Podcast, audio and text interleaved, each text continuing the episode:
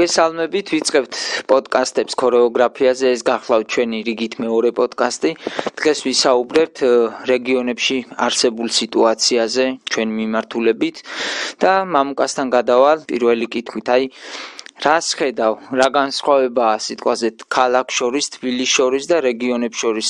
რეგიონებში არსებული სიტუაცია რო აღწერო აი ორი სიტყვით თუნდაც და მე უფრო განვავრცობთ თემას. აქვე დავამატოთ რომ მამუკას ანსამბლი ჭიათურაში წყავს თბილისშიც და განსხვავებას თვალნათლივ წარმოგვიჩენს. ალბათ იმიტომაც მე ვლაპარაკო პირველი. მოგიწევს. მოგესალმებით ყველას. რა თქმა უნდა არის განსხვავებები არის რეგიონსა და თბილისის შორის და ყოველთვის რაღაცნაირად მუხტიანია იქაურობა რა რეგიონებში. უფრო მეტი მუხტი ჩქებს. მე კი არ ვამბობ იმას რომ თბილისში დედაქალაქში არის რაღაცა შენელებული მაგრამ იქაურია ასე რომ თქვა ჟილკიანობა შეჯიბრი რომ აი ვინ უფრო კარგად მუშაობს, რომელი ანსამბლი, იქ ახლა ყველა რეგიონში რამოდენიმე ანსამბლები არის და შიდა შეჯიბრები მიდის რა ყველგან. და არა მარტო რეგიონებში, იქ რეგიონებს თავის სოფლები აქვს, სოფლებიდან ჩამოდიან და სხვა ძალის ბავშვები არიან, რა, სხვანაირად უდგებიან და სხვანაირად უყვართ ალბათ რა ეს ყველაფერი რა და რა თქმა უნდა, შემდეგ რეგიონებიც ზუსტად იმიტომ არის საინტერესო, რომ ყველა ყველა კუთხეს თავისი ცეკვა აქვს, თავისა საჩვენებს, შემდეგ ჩამოდიან თბილისში აჩვენებენ პროგრამას და თავის ხელწერას დებენ რა. ამკა ხშირად ამბობენ ხოლმე რომ აი მაგალითად თბილის გარდა თბილის იქით ბავშვებს მეტნაკლებად გასართობი ნაკლები აქვს და ვინც ეკვაზე დადის სული და გულით ერთვება ამ საკითხში. და იმიტომაც არიან ეს ბავშვები უფრო წარმოჩინებულები ვისაც სული და გულით ცეკვა უნდა. ეთანხმები ამ აზრს თუ უბრალოდ მითია ეს? მითი შეიძლება არ იყოს მაგრამ არც მთლად ეგრე არ არის ბოლომდე რა. იმიტომ რომ ყველა რეგიონი უკვე და ბევრი ქალაქიც არის, ისი არის განვითარებული, რომ არანაკლები თბილისზე და შეიძლება სოფლებში უფრო ითქვას ეგეთი რაღაცა რა. გასაგებია. კარგით, ну, რა თქმა უნდა, ეს ბავშვები მე ვინც წარმატებულები არიან და ვისაც ცეკვის სწავლის გაგრძელების სურვილი აქვს, ჩამოდიან თბილისში, როგორც წესი, იმიტომ რომ მაინც დედაქალაქია და სასწავლებელი ჩვენი ქორეოგრაფიული მიმართულებით თბილისშია და რამოდენიმე სასწავლებელი კიდე მიემატა ამ ბოლო პერიოდში. თავისთავად უნდათ ბავშვებს რომ გააგრძელონ ცეკვა, აბარებენ უნივერსიტეტებში და აბა რა ხდება ამ შემთხვევაში? აი სიტყვაზე ჭიათურიდან წამოსული ბავშვები თუ არიან სასწავლებლებში და როგორი დამოკიდებულება აქვს ზოგადად? ბევრი ვიცი რომ ჭიათურიდან წამოსულები სუხიშვილებში ცეკვავენ. აი მათი გზა როგორი იყო და რას ხედავთ? ანუ ვურჩიოთ ბავშვებს რომ იცეკვონ რეგიონებში რომ მე განვითარების პერსპექტივები მათ აქვთ. და საკითხი გაუმიჯნოთ ანუ სახიობ მოცეკვავები და ასევე პედაგოგიური მიმართულებით ვინც მიდის საცაქმდება მე ხედავენ თავის თავს ისევ იქ რომ დაბრუნდნენ რეგიონებში თუ ძირითად შემთხვევაში მაინც აქ აგრძელებენ მოღვაწეობას. მე მგონი ინტერვიუ გამოგდის მამუკასთან ეს ეხლა როგორ გითხრა რაღაცნაირად კი ჩამოდიან თბილისში, მაგრამ ბევრი რეგიონებშიც რჩება რა. ყველა რეგიონს თავისი მუნიციპალიტეტის ანსამბლი ყავს, რაღაცა სახელმწიფო ზოგ სახელმწიფო სტატუსი აქვს მინიჭებული. დიდ ქალაქებში რა თქმა უნდა სახელმწიფო ანსამბლები არის და რჩებიან და ძალიან მაგარი ანსამბლები ყოთ, არავის ენაკლები ანსამბლები რო არ არიან და პირიქით თავისი ხელწერი და ძალიან საინტერესო რო არის მათი ყურება ყოველთვის და აი ახლა რო წარჩინებული მოცეკვავეები ახლა რო იზრდებიან და ასაკიც ემატებათ და ჩამოდიან თბილისში და ეძებენ ასე რომ ვთქვათ მედგან ვითარებას, ხო?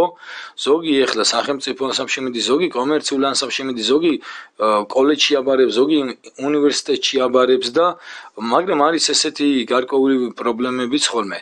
შეიძლება მაღალი მოწოდების დონეზე იდგას, მაღალ მაღალ მოწოდების დონეზე იდგას საცეკვაო ტექნიკით, მაგრამ ვერ ჩააბარა რა და დარჩა უნივერსიტეტის გარეშ მე ხლა ზუსტად ვიცი რას ვამბობ და აქედან გამომდინარე იმიტომ თქვი ეს ყველაფერი ბოდიში ეროვნულ გამოცდებზე არის ძირითადად საუბარი ხო? ბარიერი მაინც ქორეოგრაფისტის მოცეკვავისთვის ეს არის. მაგალითად ეხლა სამწუხაროდ იყო ესე რომ ჩემს ერთ-ერთ მოწაფეს ერთი ქულა დაკლდა ინგლისურში და თუ არ ვწდები ქორეოგრაფიულ უნივერსიტეტში რა ჩვენთან თეატრალურზე რო აბარებდა ხო?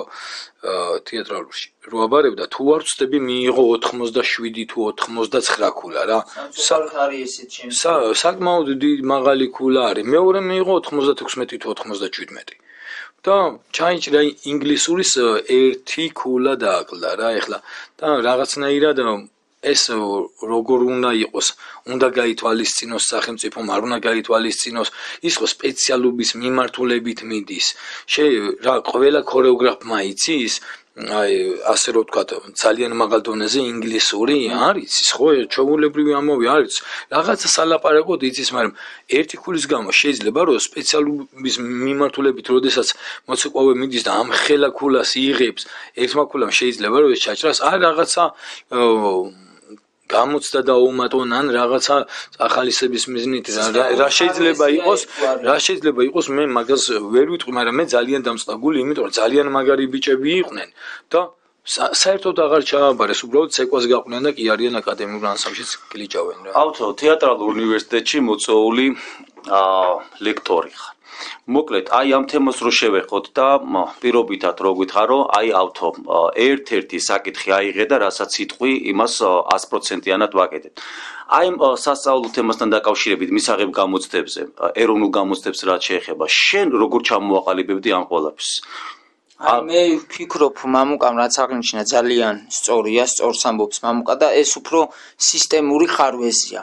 აქ რაღაც აი ლავირება უნდა მოხდეს რაღაც აი რაღაც საპოვნელია ის ოქროს ხაზი რო აი ესეთი ფაქტები არ მეორდებოდეს რა უფრო სისტემური ხარვეზია. მე ესე ვფიქრობ. ხო და წარმოიდგინე რა ავთო რა რომ ესეთი მაგარი ბიჭები რო არ დაამთავრებენ უნივერსიტეტს და ქორეოგრაფები არ გახდებიან, ხო ესე გულში რო აქვთ ბოლომდე და აი ამითი რო ასე ვთქვათ, სუნთქავენ, იღვიძებენ ამაზე ფიქრი და იძინებენ ამაზე ფიქრი და ეს ესეთი მაგარი ბიჭები, გოგოები ვერ ამთავრებენ უნივერსიტეტს და შეიძლება ისეთმა ადამიანმა ჩააბაროს, საერთოდ არც გააგრძელოს მე ქორეოგრაფიაში მუშაობა, ესეთიც ხდება რა, სამწუხაროდ და აი ესე რაღაცა არის აქ ეს ხარვესი რა. აი ხა სად ვაწყდებით პრობლემას კიდევ დიპლომის არქონის პრობლემა, რომელიც ამ ბოლო ხანებში კიდევ უფრო მკვეთრი გახდა. აი ზუსტად ესეთი ადამიანები, რომლებიც ძალიან ნიჭიერები არიან თავიანთ სფეროში, ამ შემთხვევაში ქორეოგრაფიაში და ეროვნული გამოცდების გამო ვერაბარებენ უნივერსიტეტში, რამდენი წელი უნდა იცეკოს მოცეკვავემ, ხო? ნუ მაქსიმუმ 20 წელიწადი ჩვენ ვიცით სახელმწიფო ანსამბლში, როდესაც ადამიანი იცეკოს 20 წლის მერე ყველა ვარიანტში მე ესე ვიცი ყოველ შემთხვევაში პენსიაზე უნდა გავიდეს და სად მიდის ეს ადამიანი რჩება ფაქტიურად ქუჩაში, ხო? და დასაქმების გარეშე გარეშე, ან დიპლომის გარეშე რჩება ადამიანი, ისედაც არა აქვს და ვერც აგრძელებს და მე უნდა უთხრან, კი, ნიჭიერი ხარ, მაგრამ დიპლომი არ გაქვს და ვერცად ვერც იმუშავებ, არადა შეიძლება შესაძლებლობა გქონდეს. ეს მალე ეგ დროს ძალიან მალე მოვა სხვათა შორის, რომ აი დიპლომი თუ არა გაქვს, ვეღარ ვეღარ იმუშავებ. ეგ ეგ დროს ძალიან მალე დადგება და ძალიან კარგად აღნიშნე შენ. ამ ეს რომ აი ეგეთი კარგი მოცეკვავეები, იცეკვება შეიძლება 22 წელი იცეკვება, შეიძლება 25 ვიღაცამ 17 წელი იცეკვება. კარიერა დიდი არ არის მოცეკვავის ისე როგორც სპორტსმენის, აქ ფეხბურთელი. კი, ერთ-ერთი ყველაზე პატარა კარიერა გვაქვს ჩვენ, საცე უშუალოდ ჩვენივე ცეკვის პერიოდში რა. ერთ-ერთი ყველაზე პატარა კარიერა არის და მე თუ ეს დამთავრებული არ აგავს, ხო? შენ ქორეოგრაფიულად ქორეოგრაფიაში კი გააგრძელებ მუშაობას. დღესდღეობით ხდება ესეთი რაღაცა მაგრამ მალე მოვა ის პერიოდიც ამაში დარწმუნებული ვარ მე ან ესე მინდა რომ იყოს ან ავიცი ჩვენს ეგრე გვინდა წესით უნდა მოხდეს ეგრე რომ დიპლომის გარეშე ქორეოგრაფია არ უნდა მუშაობდეს რა. როგორც ყველა სპეციალობაში ითხოვენ დიპლომს, ისე უნდა იყოს. აქ საკონცერტო დიპლომს კი არ გულისხმობ, მე რომ კონცერტზე გამოდიან და რაღაცა ქაღალდებს რო არიგებენ და დიპლომი აწერია და სერტიფიკატი აწერია და პროფესიონალური სახელმწიფო დიპლომზე აქ ლაპარაკი და რა ვიცი აბა ანუ ფაქტიურად ეს ეროვნული გამოცდები რაღაცა მხრივ ხელს გვიშლის, მაგრამ ამავდროულად მსმენელმა ის ვარი ფიქროს, რომ ადამიანს განათლება არ ჭირდებაო, ჩვენ რა თქმა უნდა ამას არ ვეთანხმებით და ამაზრზე არ ვართ. ჩვენ განათლებული ადამიანის და ქორეოგრაფიის მომხრე ვართ, მაგრამ უნივერსიტეტში, როდესაც ადამიანი ჩააბარებს, რა თქმა უნდა, მან პირველ რიგში პროფესიული განათლება უნდა მიიღოს და ზოგად განათლებას, რაც საუნივერსიტეტო საგნები არის, უცხოენე იქნება თუ მონათესავე საგნები თავისთავად შეისწავლის. ეხლა კიდევ ერთი სააც ვიტყვი რა, იმასაც ვიტყვი, რომ ბევრმა ჩააბარა, ბევრმა ჩააბარა და ზოგი უფასოზე მოხდა, ზოგი ფასიანზე ჩააბარა. მაგალითად ფასიანზე. ჩემს ჩემმა ერთ-ერთმა მოწაფემ ჩააბარა ძალიან მარტივად ფასიანზე აღარ გადაიხადა საერთოდ დაანება თავი არ და ჩააბარა აი ჩემ აი მე ბიჭებს რო ჩაებარებინა თუნდაც ფასიანზე რომ მოხვედრინიყვნენ იმ ერთი ქულის გამო ხო? დარწმუნებული ვარ რომ ისინი დაამთავრებდნენ აა კიდევ ერთ დავამატებდი. მეც რამოდენიმე შემთხვევა მქონია როდესაც ადამიანს უთქვამს რომ დავამთავრე ქორეოგრაფიულ სასწავლებელი დიპლომი მაქვს მაგრამ მე ბავშვებთან მუშაობა არ შემიძლია. ეს არის ძალიან რთული. ისედაც ვიცით რომ რთულია მაგრამ იმ ადამიანმა მხოლოდ მაშინ აღმოაჩინა ამ დარგის სირთულე როდესაც უფრო უშუალოდ დარბაში შევიდა. ესეც რაღაცა ხარვეზი ხო არ არის თვითონ განათლებაში, ანუ თავიდან სანამ აბარებს ადამიანი ხო არ ჭირდება, მე აი უბრალოდ სურვილი მაქვს რომ გავესაუბროთ ადამიანს, რომ კი აბარებ ქორეოგრაფიულზე, მაგრამ შენ გეყოფა და გაქვს იმისი უნარი, რომ ბავშვებთან ურთიერთობა იქონიო. მე მგონი ამაზეც ძალიან სერიოზულად ღირს დაფიქრება. და ეხლა ისე ვისე განათლებას და პრაქტიკას მინდა დაუბრუნდე. ავთო ჩვენ ბატონუჩასთან კათედრაზე გქონია ხო ხოლმე ამ თემაზე საუბარი და პატონუჩას უთქვამს ესეთი რა მაგალითად აჭარაში ჩვენ ვიცით რომ ბევრი კარგი მოცეკვავი არის და თბილისში რომ ჩამოსულა ის თავის აუთენტური ხასიათი და მოძრაობები დაუკარგავს და გადმურთულა ასე თქვათ ქალაქურ თბილისურზე ნუ ეგრეთ წოდებული ანუ საათხედავთ მაინც შუალედს რომ ადამიანმა ისიც შეინარჩუნოს რაც იმ თავითვე აი ძირეული არის და განათლება მიიღოს ოღონდ ქორეოგრაფიული მიმართულებით და არ გადას სხვაფერდეს ეს ადამიანი. აი, სადმე შუალედი, ოქრო შუალედი თუ გესახებათ. ჩემებურად ესე მგონია, რომ აი, ნახა ნაჭარა აღნიშნე, მოდი, ვთქვათ მაგალითად აჭარი, ჩამოვიდა აჭარიდან და ჩემი აზრით გამორიცხულია, რომ იმან აჭარის პეცი დაკარგოს. შეიძლება თეოლოგიური პეცი დაკარგოს. მაგრამ აჭარის პეც ვერ დაკარგავს, თავისი კუთხის პეც ვერ დაკარგავს და თავისი კუთხეს ისევ ისეთ ხასიათში წარმოაჩენს განვითარებულა და იმ სტილში, მაგრამ აი რაც მისი კუთხიდან არ არის, ხო? წარმოშობილი უშუალოდ.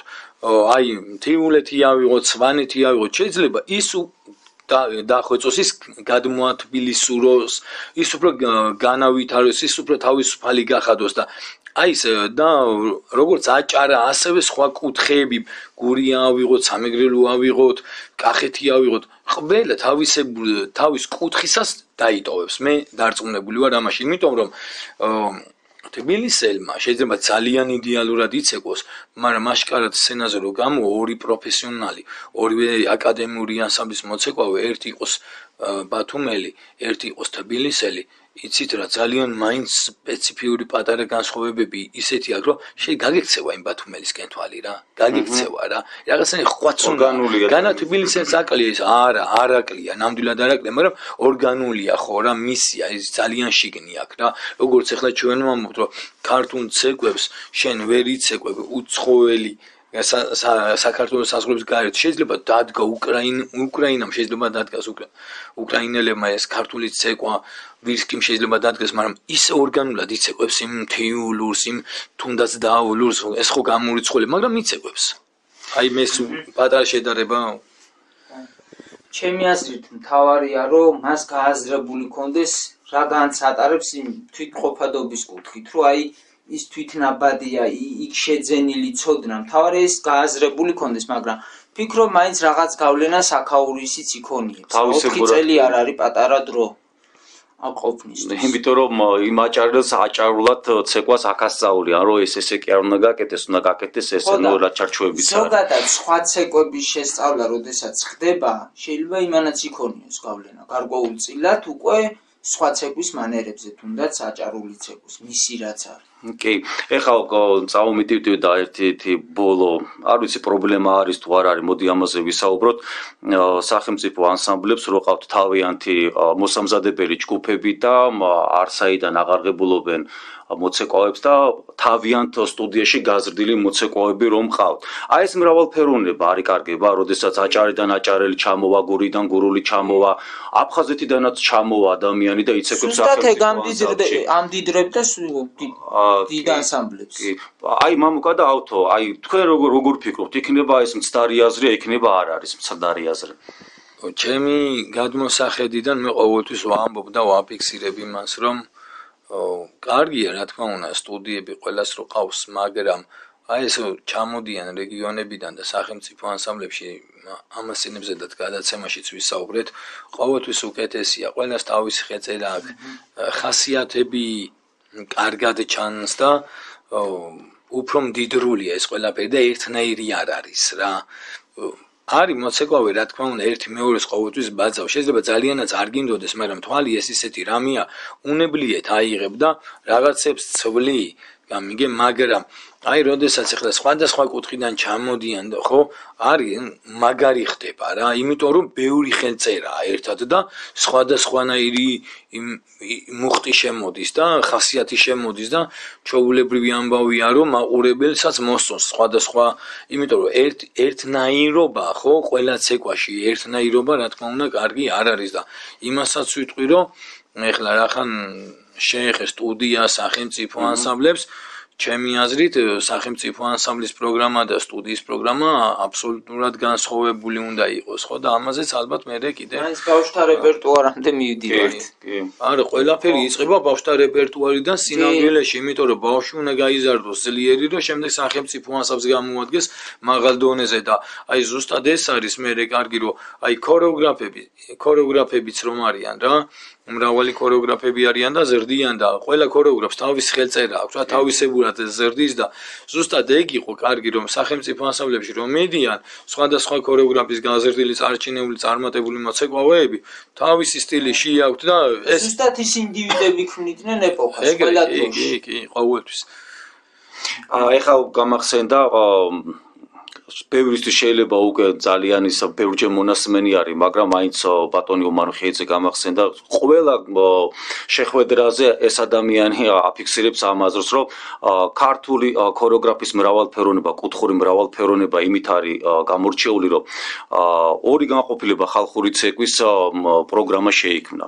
ნუ ეხა მართლაც რო ჩაუღრმავდე ამ აზრს, რომელიც ანუ სოფლიო მასშტაბით არ აქვს სხვა პრეცედენტი არ არსებობს მარტო ამით შეგვიძლია ვიამაყოთ და ჩავთვალოთ თავი, რომ აი ქართული ქორეოგრაფია შედგა და ყოველ შემთხვევაში ჯერჯერობით დაუცლებელი არის ამ ხრივ. მოკლედ, მშვენიერი და ძალიან კარგი. ეხლა ჩამოვიდა სიტყვაზე ნიჭიერი მოცეკვავე, გახდა კარგი მოცეკვავე და მიდის სახელმწიფო ანსამბლში სიტყვაზე. რა პერსპექტივები აქვს სახელმწიფო ანსამბლში? ანუ ზოგადად ქართული ცეკვა ამ დროისთვის პერსპექტიული არის? ანუ ამით აი სხვანაირად დავსავ კითხვას ხშირად ვამბობთ ხოლმე რომ ბავშვები ახლა ფეხბურთზე და სპორტზე უფრო შეყავთ ვიდრე ქართულ ცეკვაზე. ანუ ფეხბურთი უფრო პერსპექტიული არის შვილი რომ ფეხბურთს გაყვება უფრო ფინანსურად უზრუნველყოფილი იქნება მატერიალურად და ქორეოგრაფიაში მსგავსი არ არის. თუ რა პრობლემების წინაშე ვარ მოდი მე ესე ვიტყვი ახლა როგორც მე ჩემი გულად ვიტყვი. მე ყოველთვის მწყდება გული ერთ რამეზე რომ აი ჩამოვიდა მოცეკვავე სახელმწიფო ანსამბლში ცეკვავდა რაიონში, სხვა ქალაქში, ჩამოვიდა დედაქალაქში და უნდა რომელიმე სახელმწიფო ანსამბლში მისვლა, ხო? აი როგორ ხდება ყოველ შემთხვევაში ჩემ დროს ესე იყო. მოდიოდა.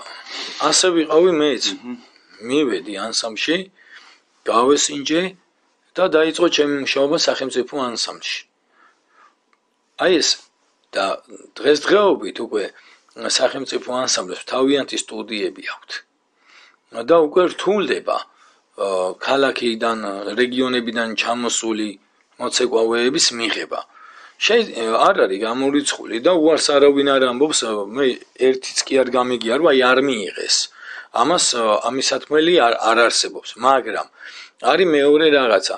ის მოცეკვავე, რომელიც პროფესიონალია და ჩამოდის და იქაურ სახელმწიფო ასამს ტოვებს და იქ შემოსავლის სახელმწიფო წყარო ქონდა, აქ ჩამოდის და სახელმწიფო ანსამში ვერ ვერჯდება, რა თქმა უნდა, პირდაპირ ხელფას ვერავინ ვერ მისცემს, თუნდაც პირდაპირ სახელმწიფო ანსამბლის დასში ჩაირიცხოს, მაგრამ აქ ტოვებენ მე რამდენადაც დღეს ინფორმაცია მაქვს ყველა სახელმწიფო ანსამბლს ერთი იმართულებით აქვს სტუდიაში გადაყავ, სტუდიას ახლა ისე ვამბობ ახლა სტუდიაც არ არის ცუდი სიტყვა. ერთ-ერთ ჯგუფში გადაყავთ საკონცერტო ჯგუფებში ტოვებენ, რომელიც არის უფასო, ზოგი ფასიანიც არის და აი ამ ხელა წარმატებულია მოცეკვავეები, შეიძლება აქეთ იხდიდნენ თანხას. ეს ჩემთვის შეიძლება მიუღებელი იყოს ახლა ვისთვისაც მისაღებია კი არიან და კი ცეკვავენ რა.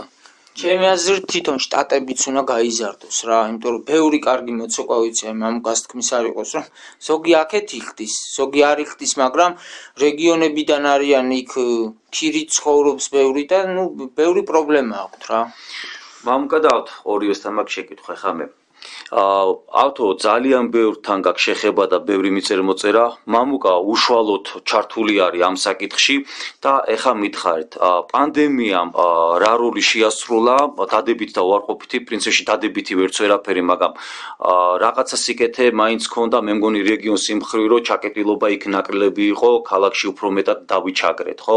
ანუ რა რა განსხვავება იყო, რა კონტრასტი იყო თბილისსა და რეგიონებს შორის? მამუკა და ავთო თავისთავად ჩვენც ბევრი რაღაცა არის შევიხეთ წინა პოდკასტში. კი, მაგრამ მაგრამ მაინც ახლა ამ კონკრეტულ ესე იგი, რა არის იცი?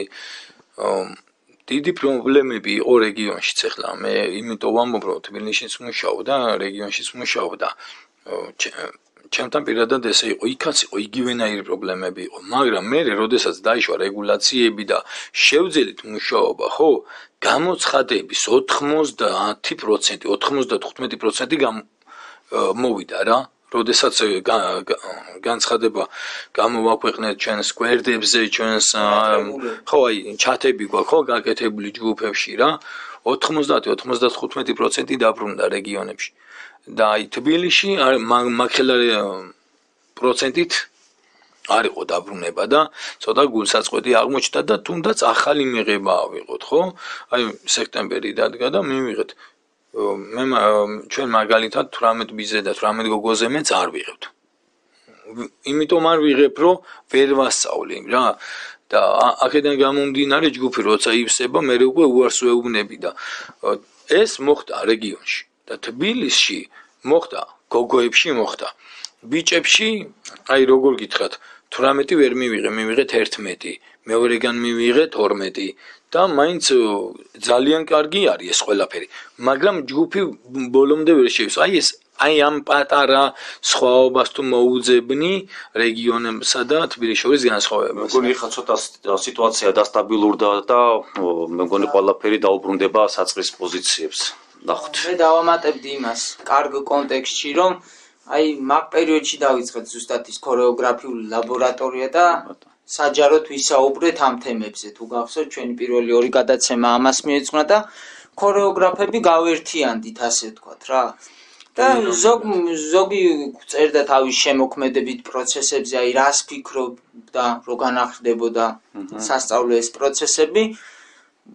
ზოგს მრავალ მხრივი ნიჭიც აღმოაჩა ზოგმა ესკიზები შექმნა ზოგი მუსიკას ქმნიდა ამ პერიოდში და ფუჭად არ დაუკარგავთ ეს დრო. მოკლედ პანდემიას მადლობას ნამდვილად ვერ გადაუხდით, მაგრამ რაღაც სიკეთე ჩაგვაფიქრა პრობლემებზე, რაღაც სხვა მიმართულებებისკენ გვიბიძგა რო წავსულიყავით და ერთ სიტყვით თავის და ცილედი სიკეთე მაინც მოიტანა როგორც ჩანს. ამუკა კიდე ერთი კითხვა ჩემგან. აი რა განსხვავებას ხედავ აი იმ პერიოდსა და დღევანდელ პერიოდს შორის? აი შენ როცა იყავ შენი სტუდენტობის პერიოდი, თუნდაც აი ეპიზოდურად რო გავიხსენოთ. ჩემი ცეკვის პერიოდს ამბობ? კი, კი, აი როცა ცეკვავდი, აი ამ სატრუკო ნაწილიც როცა ალკი აღნიშნოთ, აი რა დროს უთმობდი ამას და აი დღეს რა ტენდენცია მკვიდრდება იმ მოცეკვავებთან გააქვს უშუალო შეხება და რა ინტენსიობით ვარჯიშობენ გარდა იმისა, შერადავალებებსაც აძლევ რა. ესე იგი, მე სუარჯიშობდი. ხო რა ვიცი. ფიქრითაც ვარჯიშობდი. არა შუქი. არაგათბობა სანთლის შუქზედაც და ლამპებზედაც რო გვივარჯიშია და ეს რაღაცნაირად გვიყვარდა ეს ყველაფერი და დღემდე რაღაც მომენტში კი არა და ნოსტალგიაც მაქვს და მენატრება ჩვეულებრივი ამბავია სუვარჯიშობდი და ჩემ პერიოდში თაობები ვინც იყვნენ ჩვენ ვიგონებდით რა ტექნიკას ვიგონებდით აი მოხსე ჩასვლის ტექნიკებს ვიგონებდით და რა თქმა უნდა ჩვენამდეაც იყო მაგრამ ჩვენ პერიოდში მრავლად იყო ეს ყველაფერი და ყველა სახსოვს ეგ თაობა თუ როგორი დიდი დოზით იყო ტრუკები როგორ მაღალ დონეზე სრულდებოდა და მიდიოდა და ზუსტად მაშინ ამოიტანა და ამოიტანა ასე რომ ვთქვათ განვითარება ქართულ ქართულ ცეკვაში ამ ტრუკების ნაწილმა და დღეს როგორ არის? ვასწავლი ხო ჩაულებრივად ამ ტრუკებს და ძალიან მაგრად სწავლობენ რა. მე მიფიქრე რომ ჩემზე მაგრად სწავლობენ რა ეს მოცეკვავები მაგრამ ცოტა სიზარმაცი აქვთ. გაიგე ეს შეიძლება ბევრ რაღაცას ეხებოდეს მაგრამ აი როდესაც უკვე 15-16 წლის ბიჭია და შენ უკვე ტრუკებზე მოყვება თლად ტელეფონსაც ვერ აბრალებ მე თლად რაღაცა კომპიუტერულ სისტემასაც შეიძლება დააბრალო ალბათ ონლაინ გაკვეთილის იმიტომ რომ აი ეს მთელი დღე ზიან მომოდოთ ყოფნა. ხო. კომპიუტერთან რა, წარმოიდგინე ახლა ეკრანს უყურე როგორია 6-7 საათი, 3 საათი აიღიღაც რა. ძალიან ძნელი და შეიძლება მაგ დაბრკოლება აქვს და მე ეს ამ დასხივების შემდეგ გადმოდიან დარბაში და ოფლად იღრებიან და შეიძლება თქვა რომ მე პირდაპირ ვიტყვი რომ მე რასაც ვსწავლობდი, ბევრად ჩემზე მაგრები არიან. ჩემი თავ ეხლა მე რა თაობიც გამიზრდია ბევრი ძალიან მაგარია. უმაგრესები არის თითიც საჩვენებლებიანი ხანდახან მე მიკვის ხოლმე მე შეიძლება საათები თუ ვარჯიშობდი რაღაცას და ძლივს გამომდიოდა და კვირები და თვეები უნდებოდი და ამას შეიძლება აუხსნა. კი აქ ერთი რაღაცაც არის ჩვენ რაც იმ ვარჯიშებში ვიპოვეთ და ზუსტად ვარჯიშით ვიპოვეთ და ამ მარაკს ჩვენ შეიძლება ერთი სიტყვით გადავცემთ ამ ძვირფასეულობას და შეიძლება ამიტომაც იგებენ ეს ადვილად, მაგრამ ესეც ხო ძალიან კარგია რა. ხო იგებენ და ხო ასრულებენ რა. მე სხვა გამხედავ ეხა მაქსიკეთეს მამუკა. ეს ზოგადად იყო იმ თაობისთვის ცხოვრების წესი. ანუ ამის იქით ესენ ვერაფერს ვერ ხედავდნენ და დღეს თითქოს აი გული იმაზე მტკივა, რომ აი მეორე ხარისხოვანი გახდა, დამატებითი რაღაცა გახდა და არა ის ძირითადი ღერძი.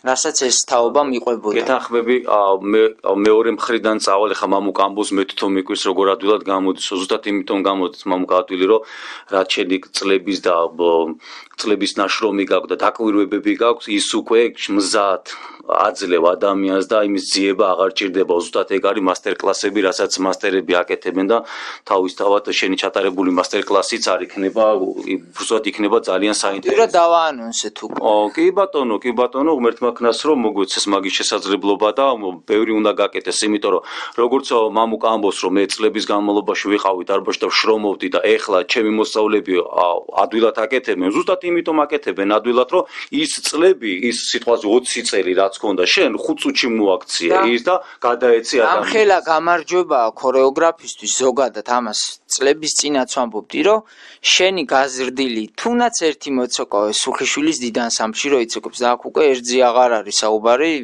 მამუკას რამდენი მოცოკავე ცეკავს იქ ყველამ კარგად იცის და ეს დიდი მიღწევაა. მარტო ერთში. არა, სხვა ანსამბლებშიც მიკერძოებაში ნუ ჩამითვლით, მაგრამ სხვა ანსამბლში იცეკონ არა პრობლემა, კაც ყველა ჩვენი სათაყვანებელი არის და ჩვენ თუ რაღაცა არ მოგვეწონება და შეიძლება რაღაც მცირედი კრიტიკული შეხედულება გამოვთქვათ, ეს ჩვენი პატივისცემიდან გამომდინარე არ და არა იმიტომ რომ ვინმე ან არ მოგწონს, ან ვინმესთან რამე პირადი ურთიერთობები გვაქვს. ცუდი რა თქმა უნდა. კარგი, დავემშვიდობოთ დღეს ჩვენს მსმენელს და შევხვდებით შემდეგ პოდკასტზე. დროებით წარმატებებს გისურვებთ. მადლობა რომ გვისმენდით. დროებით აგემშვიდობებთ. დროებით.